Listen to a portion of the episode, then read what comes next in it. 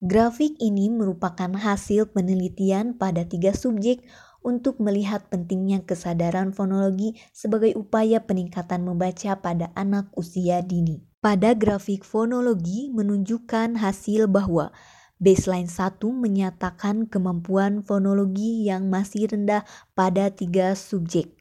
Hal ini disebabkan pada tingkat usia anak yang berbeda, konsentrasi anak, juga level kelas anak yang berbeda. Setelah kami melakukan intervensi berupa pengajaran fonologi dengan menggunakan buku panduan pengajaran fonologi untuk anak disleksia di tingkat SD, kami memberikan tes fonologi dengan hasil adanya peningkatan kesadaran bunyi bahasa pada anak setelah dilakukan intervensi pengajaran fonologi.